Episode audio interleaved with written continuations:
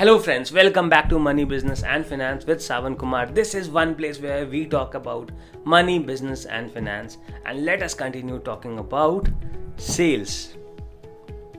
It is said that you have to be sold before you make the sales.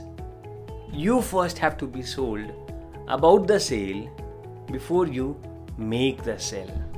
What is this? And why is this really important? Um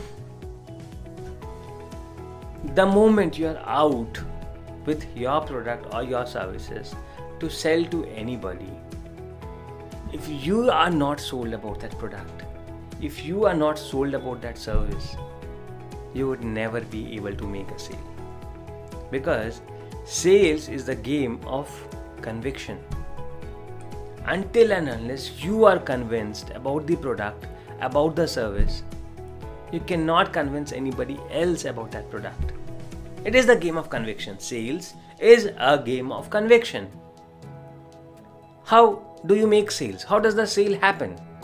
Sales happen when your conviction about that product or service supersedes the other person's conviction on why he should not be buying your product or service or why he should be buying your product or service.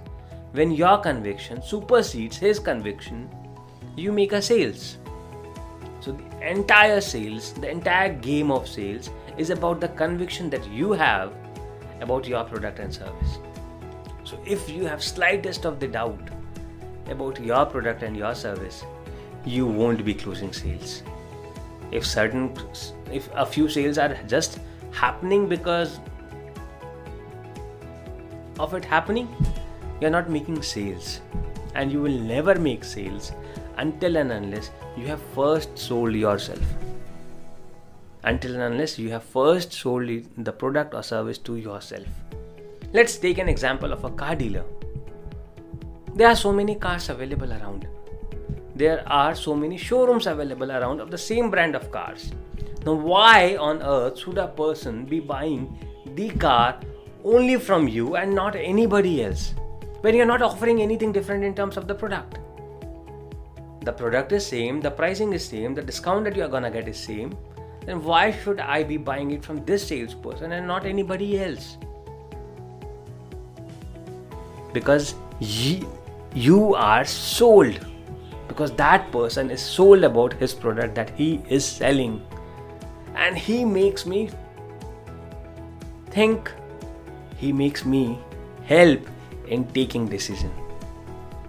Because he is so sold. His conviction is so rock solid that i cannot fight with it. I i get convinced of his conviction that this product that i buy from him because of the kind of service he would give is the best and I go and buy from him. That's what happens when we buy cars, when we buy mobile phones. We let's say uh, we are out to buy a mobile phone, an iPhone. So we visit store 1, we visit store 2, we visit store 3 and we happen to buy from store 4. When we knew which iPhone we are going to buy, I was out to buy an iPhone 12 but I still visited store 1, store 2, store 3 but the store 4 salesman was so sold on his iPhone. He himself was using an iPhone and he was so absolutely sold about using an iPhone that it was not at all difficult for him to convince me on why I should be buying it from him.